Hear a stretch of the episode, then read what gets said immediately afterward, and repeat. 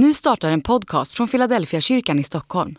Om du vill komma i kontakt med oss, skriv gärna ett mejl till hejfiladelfiakyrkan.se.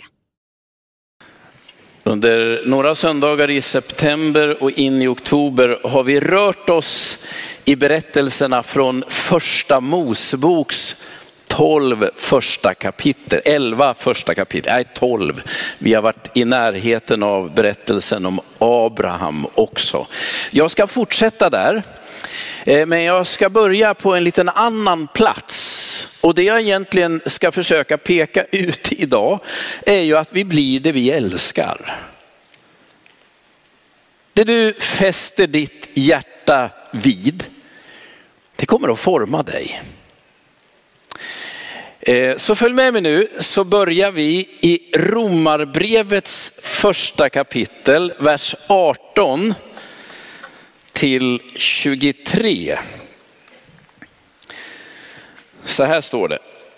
Guds vrede uppenbaras från himmelen och drabbar all gudlöshet och orätt hos de människor som håller sanningen fången i orättfärdighet. Det är ju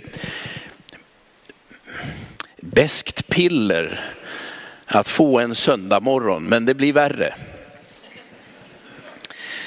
Det man kan veta om Gud kan de ju själva se. Gud har gjort det uppenbart för dem.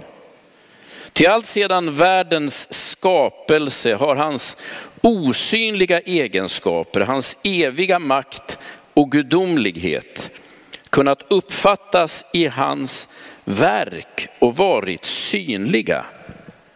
Därför finns det inget försvar för dem. De har haft kunskap om Gud, men inte ärat honom som Gud eller tackat honom. Deras tankemöda ledde dem ingenstans och deras oförståndiga hjärtan förmörkades. De ville gälla för visar men blev till dårar. De bytte ut den oförgänglige gudens härlighet mot bilder av förgängliga människor, av fåglar, fyrfotadjur och kräldjur. Vad är det Paulus försöker säga? Ja, men det här är inledningen på ett ganska långt sammanhang där han egentligen till sist samlar in varenda människa som trampar den här planeten och säger, vi har alla syndat och gått miste om härligheten från Gud. Och utan att förtjäna det så erbjuds vi nytt liv genom Jesus Kristus. Så om inledningen är bister så är lösningen desto mer glädjefylld. Men det är här han börjar hela sitt resonemang. Och då, då är det, det man nu ska försöka lyssna in här, det är att Paulus försöker tala om vad som är själva grundproblemet för oss människor. Vad är det som gör att världen är urslag som vi ser? Vad är det som gör att vi inte kan fördela resurserna rättvist? Vad är det som gör att vi har begått rovdrift på den här planeten? Vad är det som gör att vi sårar varandra? Vad är det som gör att det just nu är krig mellan två broderfolk? Det är ju otänkbart egentligen. Vad är roten? Och ni vet, jag är ju, vi vet väl alla man ska vara vuxen, man ska vara varm, vänlig. Eh, jag sa det här till samlingen innan gudstjänsten klockan 10. Vi har fyra ven som vi brukar repetera här i församlingen. Vi är varma, vänliga, vanliga vuxna. Det är så lätt att komma ihåg, den där beteendekoden och den är ju så självklar. Ni vet, möt människor med värme. Titta dem i ögonen, le, hälsa. Hur svårt kan det vara? Eh, och låt människor känna att de är välkomna. Och, och tänk att du är vanlig, du är inte bättre eller sämre än någon annan. På ett sätt kan man säga att vi är alla ovanliga, men vi är lika ovanliga som alla andra. Och så är vi vuxna. Ni vet, vi är inte barn och vi ska inte vara farsa eller morsa till någon. Man är vuxen, möter en annan vuxen. Så enkelt. Men varför gör vi inte så då? Man är ju lite, man är ju en liten gåta för sig själv. En del, av er, en del av er, ni säger saker och sen inser ni, vad var det jag sa? Och så får man ju börja backa och be om ursäkt. Och i bästa fall har man inte sagt någonting som är så förödande att relationen är ödelagd. Men det visste man ju redan innan man sa det och ändå kommer det ur en. Nu sitter en del av er och säger, nej det händer inte för mig. Nej men du har någon annan problematik som du brottas med. Och så behöver man städa efteråt. Det var en kollega till mig som sa att halva livet har jag gått runt och gjort saker och andra halvan har jag fått be om ursäkt. Riktigt så illa är det inte men. Men Paulus är ju ute efter att, att ringa in, peka ut roten till det som gör att vi alla har tappat orienteringen eller balansen eller ordningen i våra liv, i våra gemenskaper, i samhällen, människor emellan, nationer emellan. Och det är en liten oväntad problematik han sätter fingret på. Han talar inte om moral.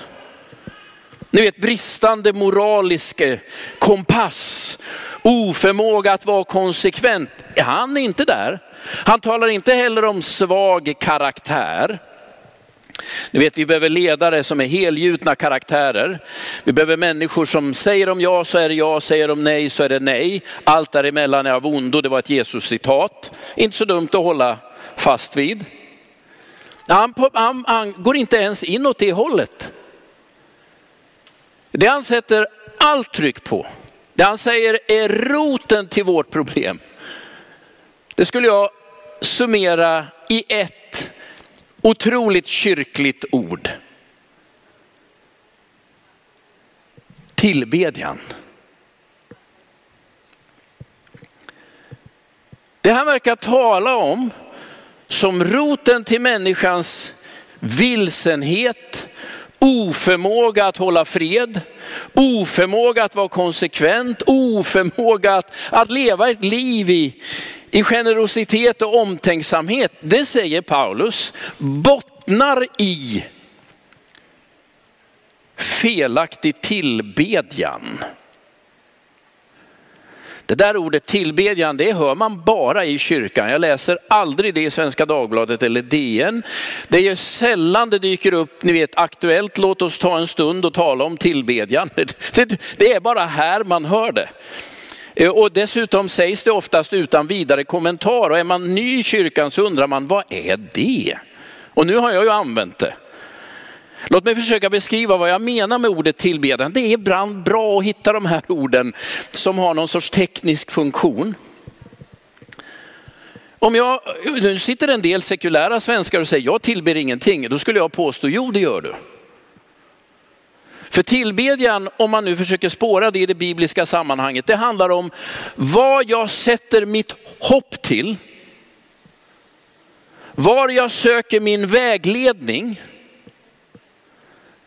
var jag söker skydd och var jag söker tröst. Vad är det du har satt ditt hopp till? Vad är det som ger dig vägledning? Vad är det du tänker ska ge dig skydd? Och var söker du din tröst? Om du kan ringa in det, då vet du vad det är du tillber. För det är det Bibeln beskriver som tillbedjan. Tillbedjan har egentligen ingenting med knäppta händer eller viss aktivitet eller musik att göra. Tillbedjan har med hur hjärtat är möblerat att göra. Det vill säga i ditt inre vad är det som triggar dina drömmar? Vad går du och hoppas på? Vad är det du tänker ska vägleda ditt liv när du står i svåra situationer? Vad är det du går och söker skydd hos och tänker det här ska hjälpa mig? Eller när livet har gått i kras, vad är det som är din tröst? Det behöver inte vara en sak, det kan vara många saker. Men om du vet det, då är du på spåret för det Bibeln kallar tillbedjan.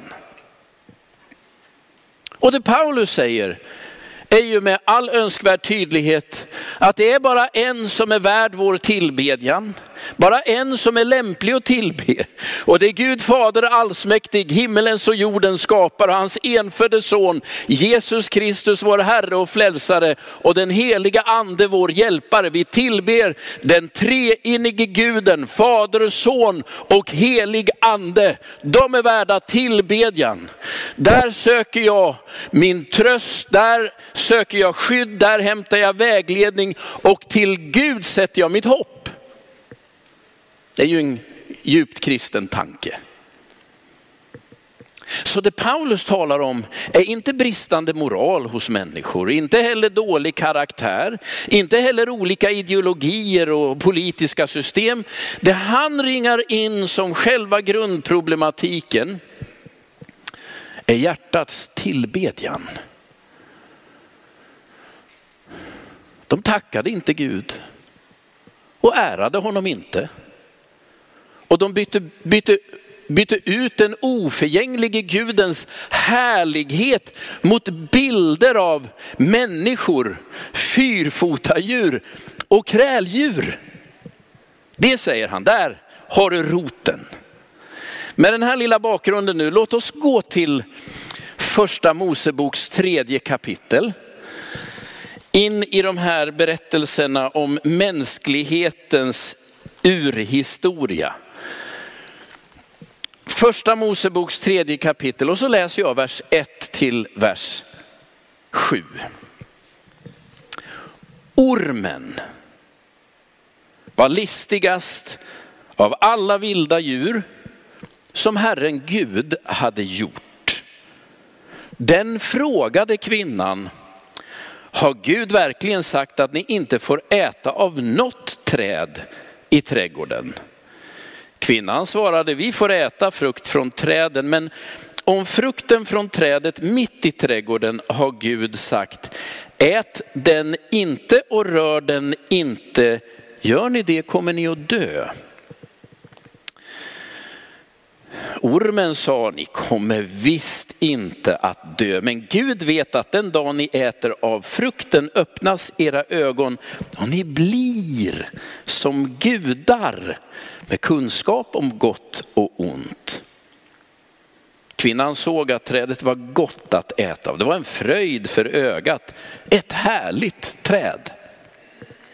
Eftersom det skänkte vishet.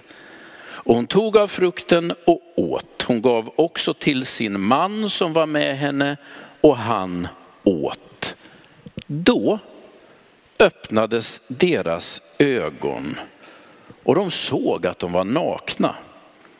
Och de fäste ihop fikonlöv och band dem kring höfterna. Det är ett gåtfullt samtal. Man har nästan svårt att tänka sig detta. Det här får man väl ändå säga är den lägsta punkten i mänsklighetens historia. Det, det här, är liksom, här är bottennappet i vår berättelsen om, om oss. Sämre än så här blir det inte. Resten är ju bara konsekvenser, men det framstår ju som ett småtrevligt samtal. En fikastund med en frukt i mitten. Det är en väldigt förbryllande berättelse, håller ni inte med mig? Men den är så otroligt bra. Vad är det första jag reagerar på? Vad ni reagerar på vet jag men det första jag reagerar på det är ju det självklara. Nej, en orm kan inte prata. Ja, men det, låt oss bara ta det uppenbara. Det vet alla. Ormar kan väl mycket, men, men är det här en fabel? Är det så man ska tänka? Ni vet? Det har man ju sett i sagornas värld, det är ju en möjlig tanke. Nej, jag tror att det är någonting annat den här författaren vill sätta oss på spåren. Vad är det som står om den där ormen? Jo, det står att, att det var ett av de lömskaste eller listigaste av alla de vilda djur som Herren Gud hade skapat. Nu behöver man ha läst hela berättelsen och jag har gjort det. Så jag hoppas ni litar på mig. Hur såg relationen ut mellan alla djur och allting Gud har skapat och människan? Ja men det är väldigt tydligt. Gud säger till människan, Adam och Eva, ni ska råda över skapelsen. Inte förråda den, det skulle man väl kanske säga att vi har gjort idag. Utan råda över den. Eh, och hur ser relationen mellan en möjlig orm, talande orm och en människa ut då? Ja men människan ska råda över ormen. Men det som händer i den här berättelsen är liksom upp och nervända världen. Här börjar en orm råda över människan. Nej, nej, men vänta här nu. Nu är ordningen helt omkullkastad. Några av er sitter och tänker, men den där ormen, är inte det djävulen? Ja, i Uppenbarelseboken kapitel 12 och vers 7 så talas det ju om ormen från urtiden, djävulen. Men i den här första berättelsevarianten så är det en av de skapade varelserna. Som ju människan skulle råda över, det fanns en tydlig ordning. Inte plåga, inte förfölja, inte utrota, råda över. Klokt, vist, men så händer någonting i den här berättelsen. Det, det, där som människan är satt att råda över börjar plötsligt råda över människan. Ja, ja, igen, ormar pratar inte. Nej, vi är helt överens om den saken. Och jag kan, jag kan upplysa dig om att det begrep varenda författare som skrev den här boken. Nej, ormar pratar inte, det vet vi. Och ändå dyker en pratande orm upp. Får jag bara dra ett eh, uttryck, ni är bekanta med det. Money talks. Har ni hört det engelska? Pengar pratar, nej pengar pratar inte. Pengar är papperslappar, jag vet inte om det är papper längre, men det är prylar vi trycker upp. Och ändå är vi ganska överens om i vår kultur i alla fall att pengar pratar. Money talks, alla vet det.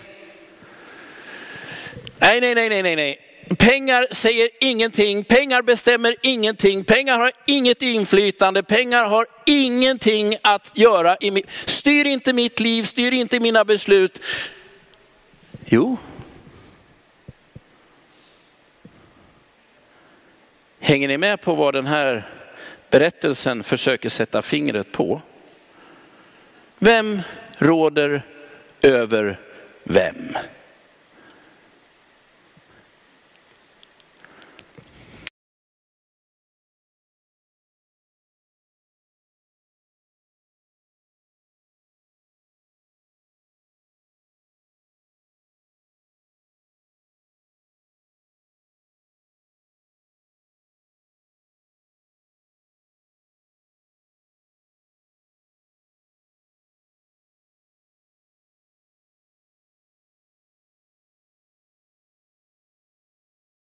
Av någon annan och något annat. Ha kontroll över allt, kunna styra allt, äga allt, dominera allt. Vad säger du? Ja, det är en otroligt frestande tanke. Och när man sen ser hur historien löper ut så inser man det här gick helt fel. Det enda Adam upptäcker Adam och Eva upptäcker när de lyder ormens råd och tänker nu är vi gudar i vårt eget universum. Nu styr vi allt, vi håller i alla trådar, vi har kontroll på allt. Ingenting händer som inte vi vill. Det enda de då upptäcker är, jag är näck. Det här var genant. Nu lever vi i en kultur där folk inte kanske ens längre är generade över att vara nakna, men om man ändå utgår från att det verkar vara en grundläggande mänsklig reflex att man vill inte vara naken, vi är generade över det, så ska man också fatta symboliken i detta. Den dagen människorna tänker att de själva är gudar så är det enda de kommer att upptäcka, jag är helt naken. Detta var genant. Det är någonting med ordningen i universum. Vem är det som jag ska sätta mitt hopp till? Vem är det jag ska söka vägledning av? Vem är det jag ska sätta all min framtid hos? Vem är det som jag ska få tröst av? Vem ska ge mig skydd? Ja, det är inte det skapade. Det är inte pengarna.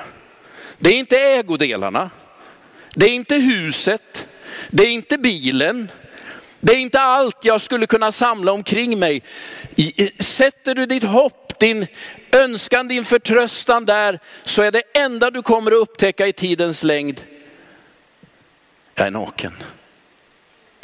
Det gav mig inte skydd. Vem ska jag sätta mitt hopp till? Till Gud fader allsmäktig, himmelens och jordens skapare. Det är den här fantastiska berättelsen i första Moseboks tredje kapitel vi sätter fingret på. Är att vi så lätt vänder upp och ner på världen. Jag har ju varit en hel del i Afrika, ni vet de fattigaste länderna som finns. Och så har jag insett, här är framgångsteologi, råbarkad framgångsteologi, otroligt framgångsrik. Ni vet man säger, du kan bli rik, du kan ha en bil, du kan ha två bilar, du kan ha ett stort hus, du kan ha flera stora hus. Jag har sett pastorer i fattiga stadsdelar åka runt i stora feta bilar med guldringar på händerna. Och så tänker jag, hur går det här ihop? Och så inser jag, det de allra fattigaste människorna drömmer om, sätter sitt hopp till, söker vägledning av, söker skydd hos, tänker skulle kunna skänka dem all lycka i världen, det är mer pengar. Och så finns det en del kollegor till mig som inte är dummare än att de försöker slå mynt av det teologiskt. Det är helt bibelvidrigt. Det är inte evangelium, men det lockar. Så när jag ser det så tänker jag, här är världen helt upp och ner. Vart är det jag ska söka mitt hopp? Vart är det jag ska be om vägledning? När livet går sönder, var går jag för tröst? Var ber jag om skydd? Ja, jag kryper ju inte in i min Volvo och tänker, här har jag allt. Det hjälper inte att stänga dörren och låsa och tänka, mitt hem är min borg. Och inte heller går det att bläddra i en bankbok, det finns ju inga bankböcker längre, men logga in och titta, vad har jag på kontot? Jag är, jag är så trygg. Alla vi tänker jag egentligen vet att det där är en hägring. Det där kommer inte lösa problemen. Det kan göra livet lättare men det kommer inte att göra livet lyckligare. Det är någonting annat som ska till. Lyssna nu, att vara människa som vi alla är, det är att leva i den där spänningen mellan ormen som viskar och Gud som kallar. Nu säger vi ormar kan inte tala, nej och pengar kan inte heller tala och ändå tycker jag att det är deras röst jag hör nästan starkast överallt i vår tid. Är det rätt? Skulle Bibeln säga nej? Det är Gud som ska tala in i våra liv.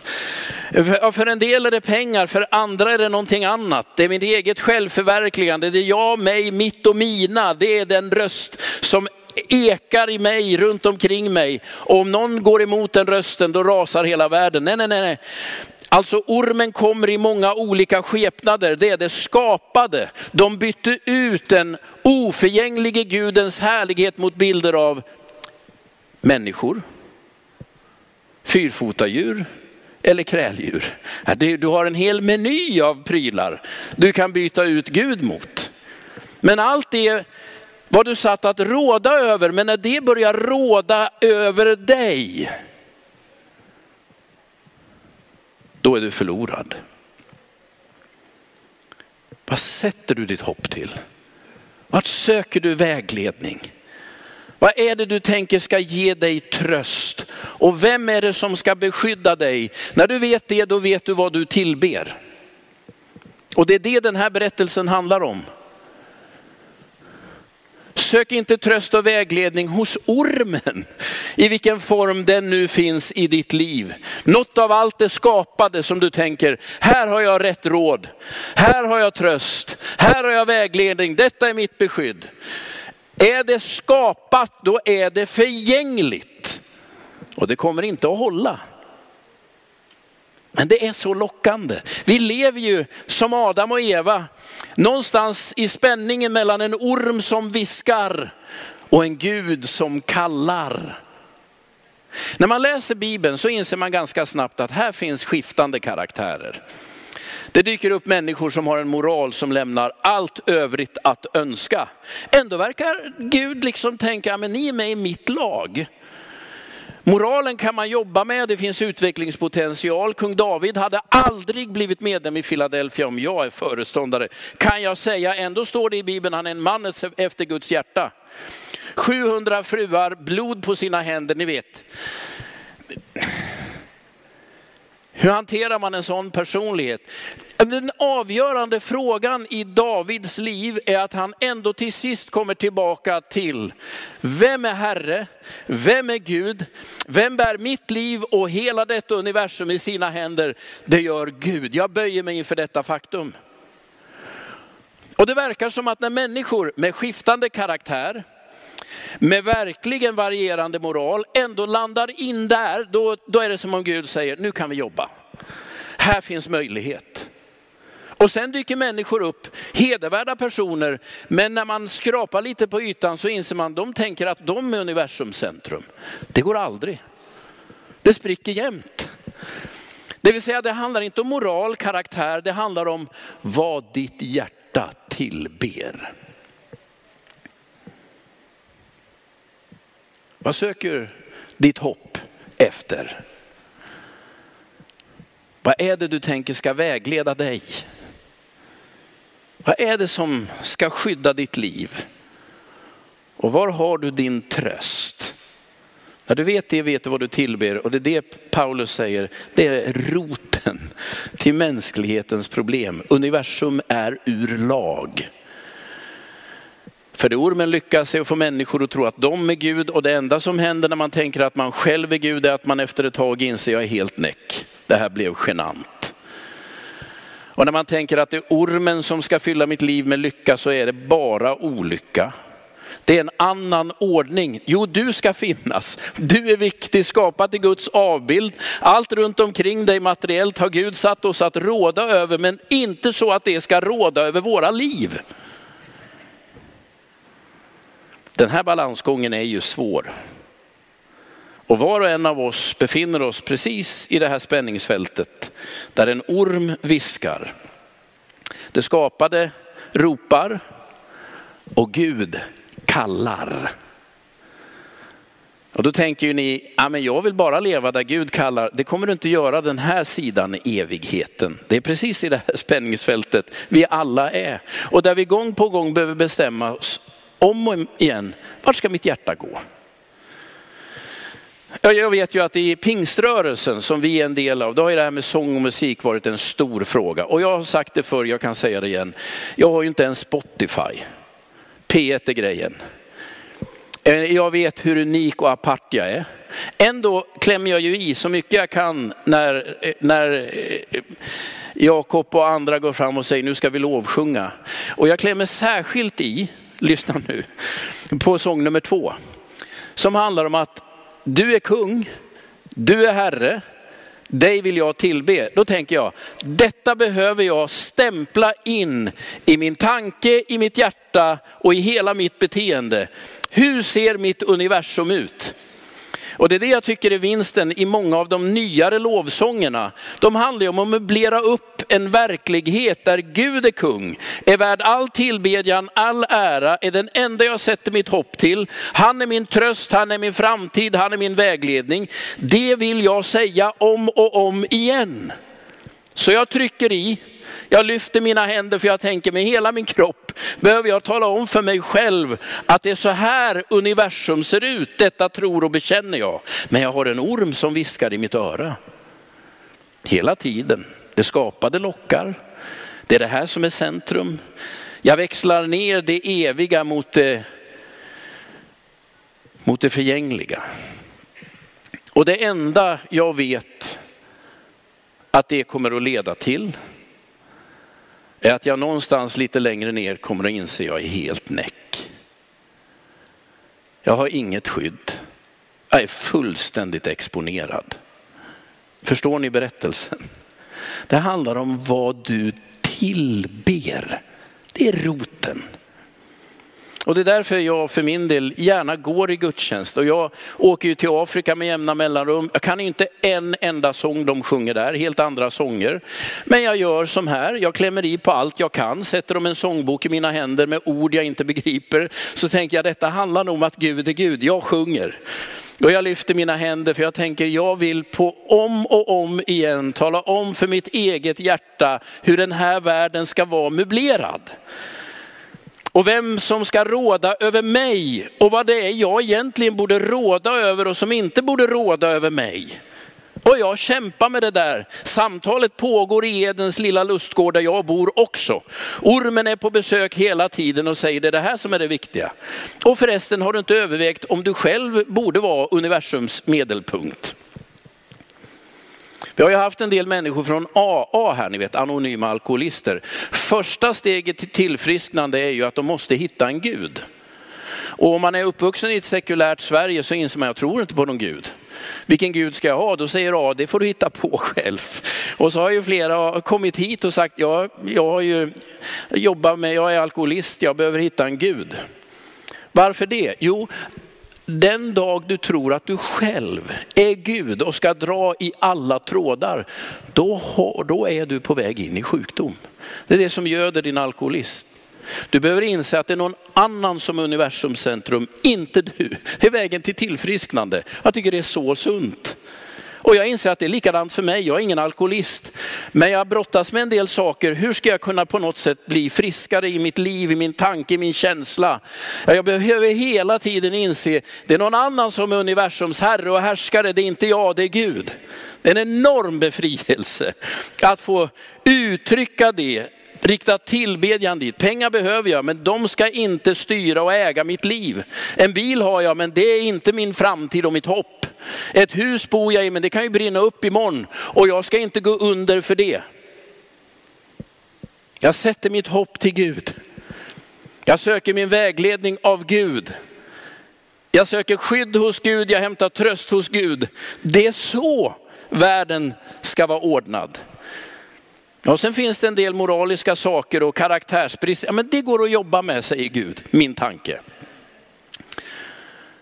Men tillber du fel saker, då är världen ur styr.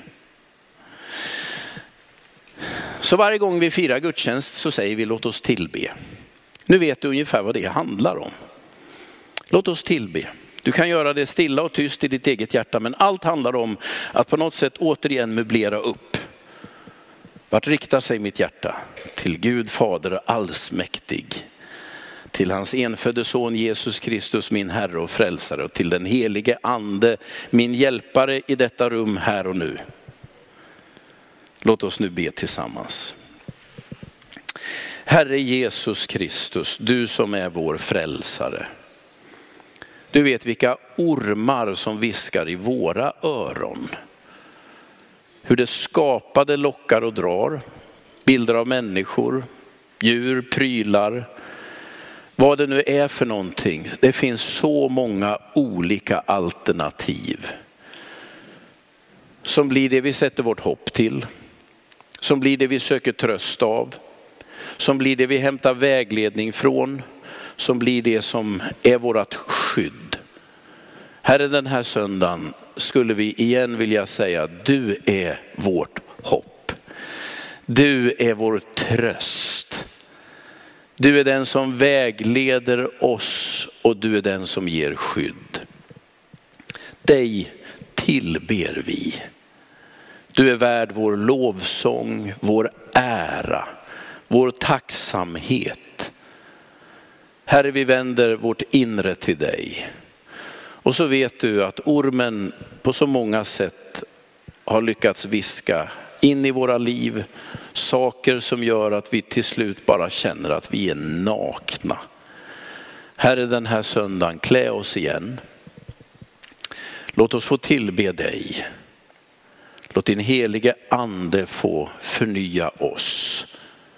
Sätt vårt liv i ordning och hjälp oss att ta steg emot någon sorts mänskligt tillfrisknande. Vi ber så i Faderns, Sonens och den helige Andes namn. Amen.